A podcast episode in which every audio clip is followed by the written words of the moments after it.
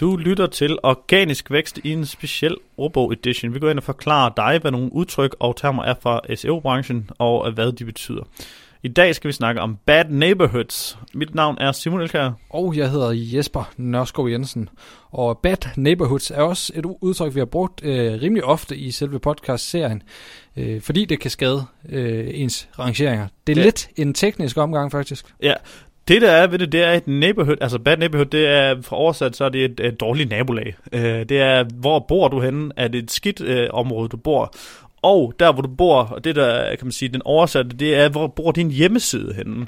Og hvis du deler IP-adresse med en hel masse dårlige øh, skidt og har rigtig ja, dårlige hjemmesider i Googles øjne, jamen så øh, ser Google det også som om, at det går ud over din side.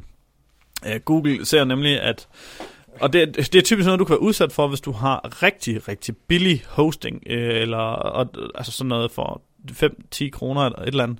Hvis du har din egen dedikerede IP-adresse, er du sikret imod et bad neighborhood, og lige meget hvor mange blogs, øh, eller spammede sider, eller hackede sider, der er på andre IP-adresser, så går det ikke ud over dig.